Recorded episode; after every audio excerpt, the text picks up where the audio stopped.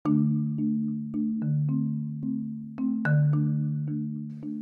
hei. Velkommen til Befrikan sin podkast. I dagens episode skal det handle om folkehelse i Norge fra 1814 til 1914, første delen. Og så skal han intervjue med pappa, Ahmed Khan, litt om hans og hans eh, barndom. Og til slutt skal jeg fortelle snakk om folkehelse i Norge, bare at det er fra 1914 til 2014.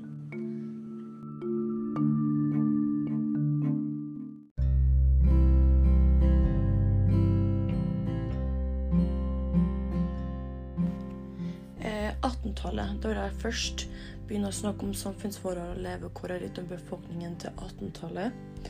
Eh, folketallet var litt under en million i begynnelsen av 18-tallet. Men det økte til over det dobbelte i de 100 årene som fulgte. Selv om mange valgte å utvandre.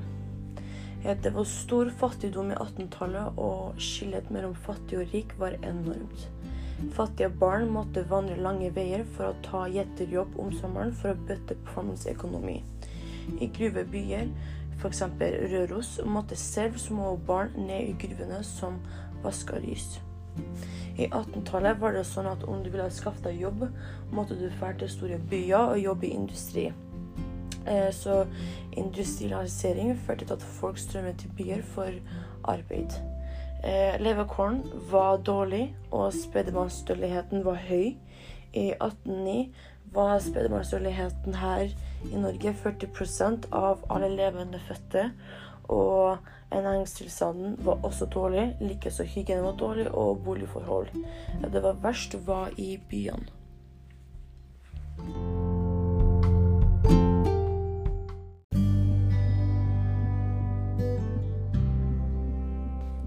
Smittsomme sykdommer i 18-tallet vi har, er først er kolera og tyfus. På 18-tallet var det flere epidemier. Verst var koleraen. Eh, De siste epidemiene kom i 1840-tida. Eh, ingen epidemier var så oppfattende som svartedøden og andre pesteepidemier på 13-tallet, men dødeligheten var likevel høy. Eh, Det beskrev mange tilfeller av tyfus som var grunnen til koleraen. Eh, andre vi har, er lepra, som er spedalskhet. her er spesielt på Vestlandet. Pasienter blir isolert i egne leprasykehus med plass til 1000 pasienter totalt. Eh, men rike folk kunne vært hjem, for de hadde faktisk muligheten. Fordi de hadde større hus og eh, flere bad og flere rom. Tredje vi har, er radiosyken. På Sørlandet var det stor forekomst av den merkelige radiosyken, som man ennå ikke har forstått hva det var. Nest siste vi har, er kjønnssykdommer, som var utbredt, og uten det ble definert nærmere. Først senere skilte man mellom genore og syfilis. Eh, Det siste vi har, er typiske tuberkulose. tuberkulose. Mot slutten av 1800-tallet ble tuberkulose den store dreperen, mens lepra og radiosyken gikk tilbake. Så tuberkulose tok plassen, da, som var den dreperen som jeg sa i stad.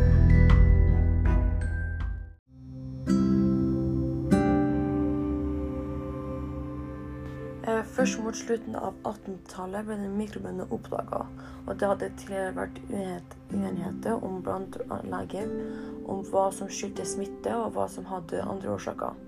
Begrepene om smitte var uklare, men under koleraepidemien forsto man en, at det handlet om smitte og overføring mellom mennesker, som et positivt tegn at de endelig forsto hva smitte var. Eh, når Isa snakket om snakket om spedbarnsdødeligheten, så er det sånn at eh, opptil 10% av alle spedbarn de døde i 1800-tallet. Barnesykdommer var ofte de dødelige. Da loven om vaksinasjon mot kopper kom i 1810, fikk man endelig kontroll med barnekoppene, som var den alvorligste barnesykdommen vi hadde i, i 1800-tallet. Eh, nabolandet med Norge så var det sånn at Norge var bedre enn nabolandet sitt. Eh, Eilert Sund eh, fant ut at den gjennomsnittlige levealderen i Norge rundt 1855 var høyere enn i Sverige, Danmark og England. Om jeg skal sammenligne levealderen med før og nå, så var det sånn at levealderen var forventet høyere for kvinner enn for menn eh, i 1800-tallet. Eh, som er det nå i dag også. Eh, den forventede levealderen i 1846 var om lag 50 år for kvinner og et par år lavere for menn. Mens i 2016 så var levealderen hadde steget seg til at 84,2 år for kvinner og 80,6 år for menn.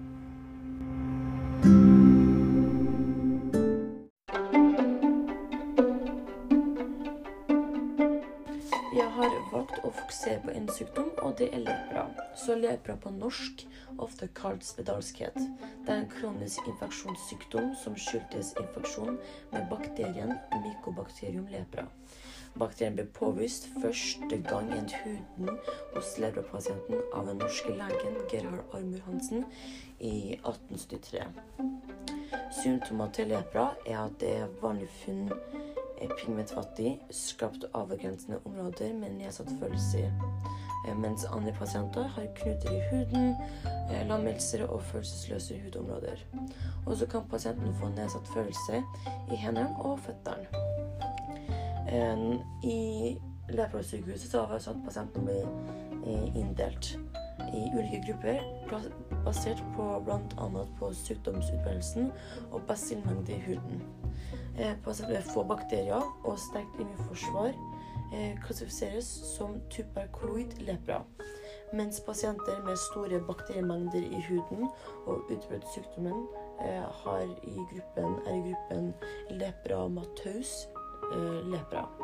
Og så siste med at en stor mellomgruppe klassifiseres som borderlinje lepra. Dette er for å kunne skille mellom pasienter som har få, og pasienter med mange bakterier. Og dette er et viktig skille, for smitten for å kvitte lepra. Og det fungerte veldig, det fungerte veldig bra i den tida. Eh, eksempel i dag, behandling til sykdommen her, at i dag eh, sykdommen er effektiv behandles ved to eller tre medikamenter i seks til tolv måneder. Eh, vi har ikke noe spesielt eh, eh, vaksiner eh, som utviklet mot lepra, men eh, BCG-vaksinen eh, har en viss effekt, kanskje bedre enn mot tuberkulose. og i gamle tider var det sånn at de hadde ikke noe særlig behandling. de var bare isolert. og ja, om du klarte å leve, så gratulerer du levde, men om du ikke, så døde du bare. De hadde ikke noe særlig behandling for det. Forekomsten er at i dag er lepra for lengst utrydda i Norge, men eh, vi ser eh, noen få tilfeller av sykdommer blant personer som kommer hit fra lepra-eumetiske områder, som er i Asia og Afrika. Og i 2016 ble det rapportert rundt 200 000 nye tilfeller av lepra. 65% av disse de ble diagnostisert i India. Eh, ja.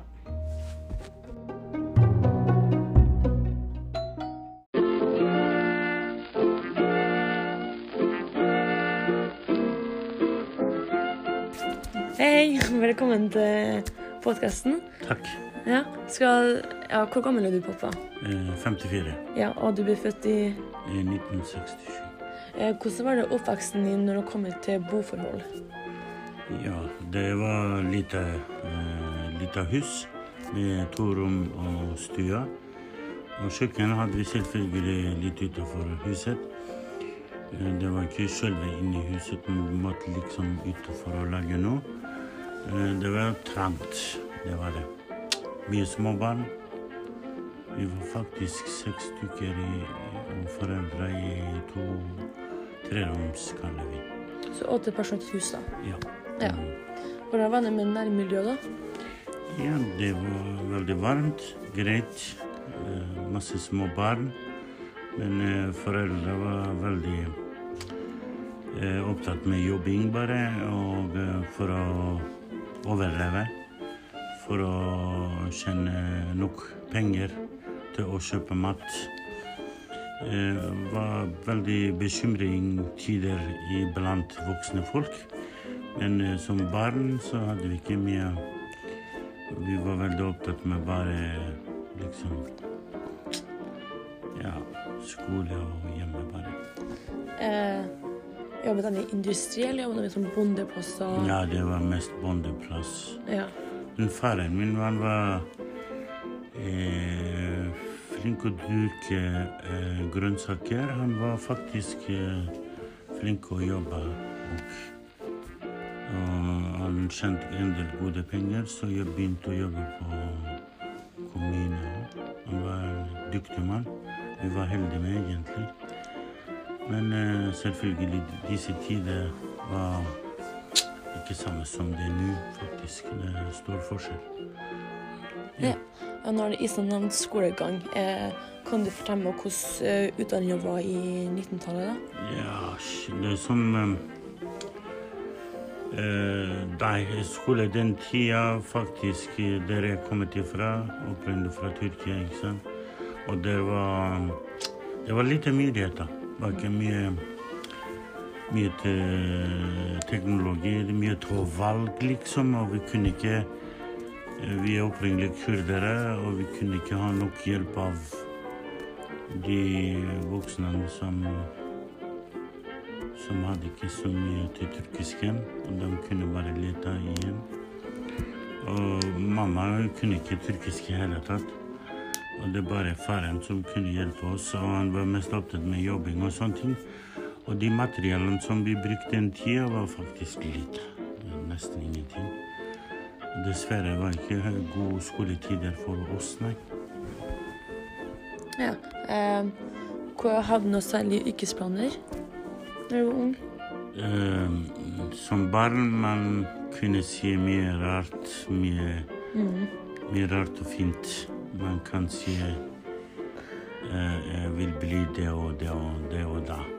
Men eh, når man kommer opp i midt, i, mitt alder, kaller vi, eller ungdomstida, så skjønner man hvor liksom man skal plassere, plassere seg i, i jobb eller yrkes de fagene som så. Men hva som jeg sa, det, var Det var faktisk veldig lite muligheter for oss, men de som har kommet etter oss, og de var mer heldige. De kunne valge liksom hva de vil ønske seg, eller hva de vil bli. Men uh, som jeg sa, det, det skulle den tida Nei, det var ikke bra. Eh, hadde noen sånne typiske sykdommer for barn og ungdom i deres oppvekst? Ja, det var det faktisk. Ja, det var en del. Det var ikke mye, men det var kolera Ja.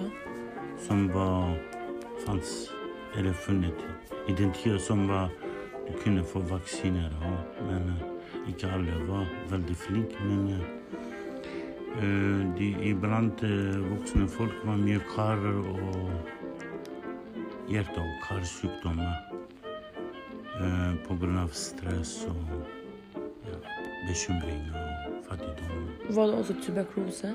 Ja, tuberkulose hadde vi, og uh... Fikk du vaksinasjon mot det? ja. Jeg, Ja, jeg, fikk, jeg fikk det, både og mora de fikk det. Mamma også. Ja. Så vi var heldige således, men um, det var Vi hadde ikke så mye kontroll eller så mye muligheter liksom å vite hva som var hvilken sykdom, eller hvor stort, hvor finnes det. Men eh, når det er alvorlig sykdom, da kunne de gå til legen, ikke ellers. nei. Ok. var, var sånn at du måtte betale den tida. Men ikke nå, nei. Nå er det gratis nesten. Ja. I Takk, Tyrkia. Ja, i Tyrkia. Og det er forskjell Mm. Tyrkia og Norge. Takk, takk for um, at du ble med på intervjuen. Bare hyggelig. Veldig um, Håper det hjelper, hjelper. Ja. Ja. Mm.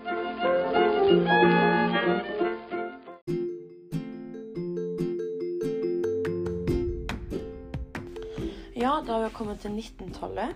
Eh, skal jeg snakke først om levekår. Så levekårene i hele landet har bedret seg langsomt i løpet av 19-tallet.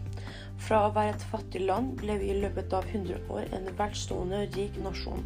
Norge ble rik med å produsere olje. Eh, befolkningen, eh, så folketallet var i overkant av 2,2 millioner i begynnelsen av 1900-tallet, men økte til om lag 4,5 i løpet av eh, 1900-tallet. Andelen personer tilknyttet jordbruk, skogsbruk og fiske gikk ned, mens andelen tilknyttet industrien den økte. Eh, De økonomiske forholdene for, landet som helhet det har bedret seg, og velferdsstaten har utviklet seg. Eh, og så er det sånn at hyg hygieneperioden da, det ble færre infeksjoner og nye oppdragelser. Så folkehelse fikk et stort, stort løft på 19-tallet. Det skyldtes bedre hygiene og levekår i tillegg til medisinske landsvinger. Begynnelsen av 19-tallet så ble det kalt hygieneperioden, der lys, frisk luft og renslighet var riktig. I 1800-tallet så mente de at hygiene var ikke var bare tull, og at de gikk fra pasient til pasient uten å vaske hendene sine. Men nå har de merka at uh, hygiene er number one for å kvitte seg med smitte. Og de har begynt å være veldig seriøse med hygiene. Og det er et veldig positivt tegn. Så neste vi har, er jo kosthold og ernæring. Så ernæringssituasjonen i Norge i 1900-tallet har vært mye bedre etter hvert som fattigdom har eh, avtok eh, utover 1900-tallet. Og med det, når vi snakker om ernæring og kosthold, så vil jeg snakke om at vitaminer ble oppdaga. Eh, de fleste livsviktige vitaminer ble oppdaga i løpet av 1920-årene. Og tran ble anbefalt som kosttilskudd for det tran. Og de mente også at eh, mangel på sollys er dårlig, og det er veldig viktig å få sollys i hverdagen. Og eh, ja, det er bra ting. Eh, i 1800-tallet snakka vi om spedbarnsdødeligheten. Så rundt år 19.000 så var det sånn at spedbarnsdødeligheten var høyere i Norge enn i mange andre land i Europa. Utviklingen av velferdsstaten utover 1900-tallet eh, har medvirket til at spedbarnsdødeligheten nå er blant de laveste i vår del av verden. Eh, dette kan tilskrives flere årsaker. Eh, bedre næring og levekår, bedre utdanning, økonomi, eh, bedre behandlingstilbud og noen grad også forebyggende helsearbeid. Eh, spesielt vaksinasjonstilbudet har kommet. Alle barn får gratis tilbud om vaksiner, og tilbudet er frivillig. Og dekningen av de fleste vaksinene er svært høyt. Ja, når vi snakker om vaksiner, så er det sånn at i løpet av 1900-tallet så kom en rekke vaksiner. Fra 1942 ble difterivaksinen tilgjengelig, og virkningen var umiddelbar. Eh, difteri var en vanlig barnesykdom, og i 1940-43 var det en større epidemi. Et annet eksempel er polymyelitt. polymyelit og høsten 1956 startet polyvaksinasjon i Norge. Etter hvert kom det nye vaksiner, spesielt til barn. Og de, flere, de viktigste var poli og polio og difteri.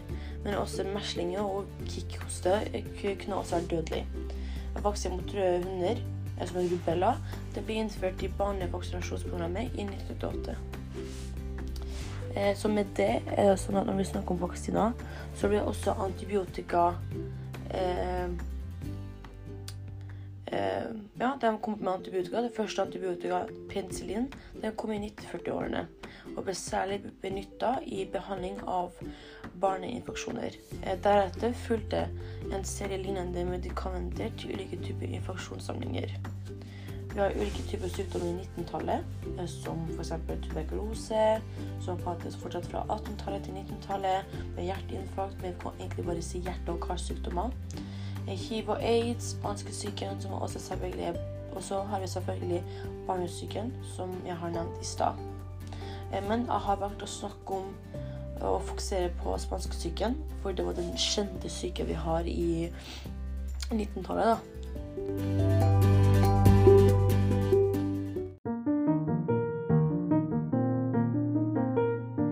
Spanskesyken var en influensaepidemi som i perioden 1918 til 1920 rammet store deler av verden, som derfor kalles en pandemi. Mellom 50 og 100 millioner mennesker døde, så det vil si smittet minst en tredjedel av verdens befolkning. Spanskesyken regnes som eh, den verste influensaepidemien i historien, og de negative konsekvenser har vært merkbare helt opp til vår tid. I Norge tok spanskesyken omkring 15 000 liv.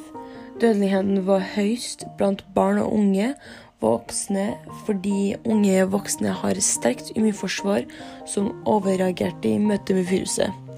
På denne tiden var også sykdommen tuberkulose utbredt i Norge og verden for øvrig, noe som også ga høyt risiko for alvorlig sykdom og dødelighet.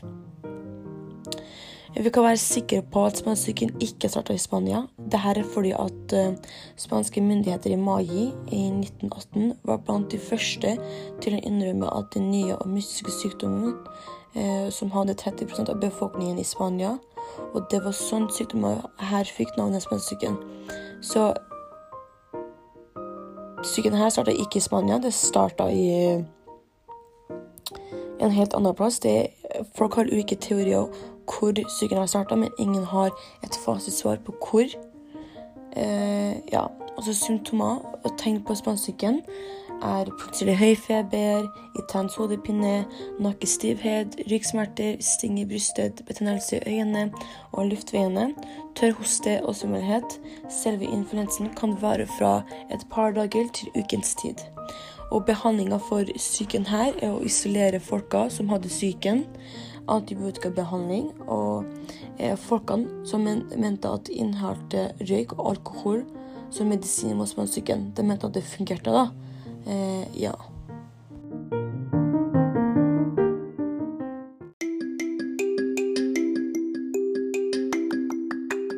har vi kommet til slutten av presentasjonen her. Takk for at du har hørt på alt det her. Håper du fikk lært mye. og ja, vi fikk lært mye om 18-tallet, generelt om det, og sykdommer, lepra. Så sa vi intervju med pappa og hans barndom. Og så hadde vi generelt om 19-tallet og om svansyken. Håper du har en fin dag videre.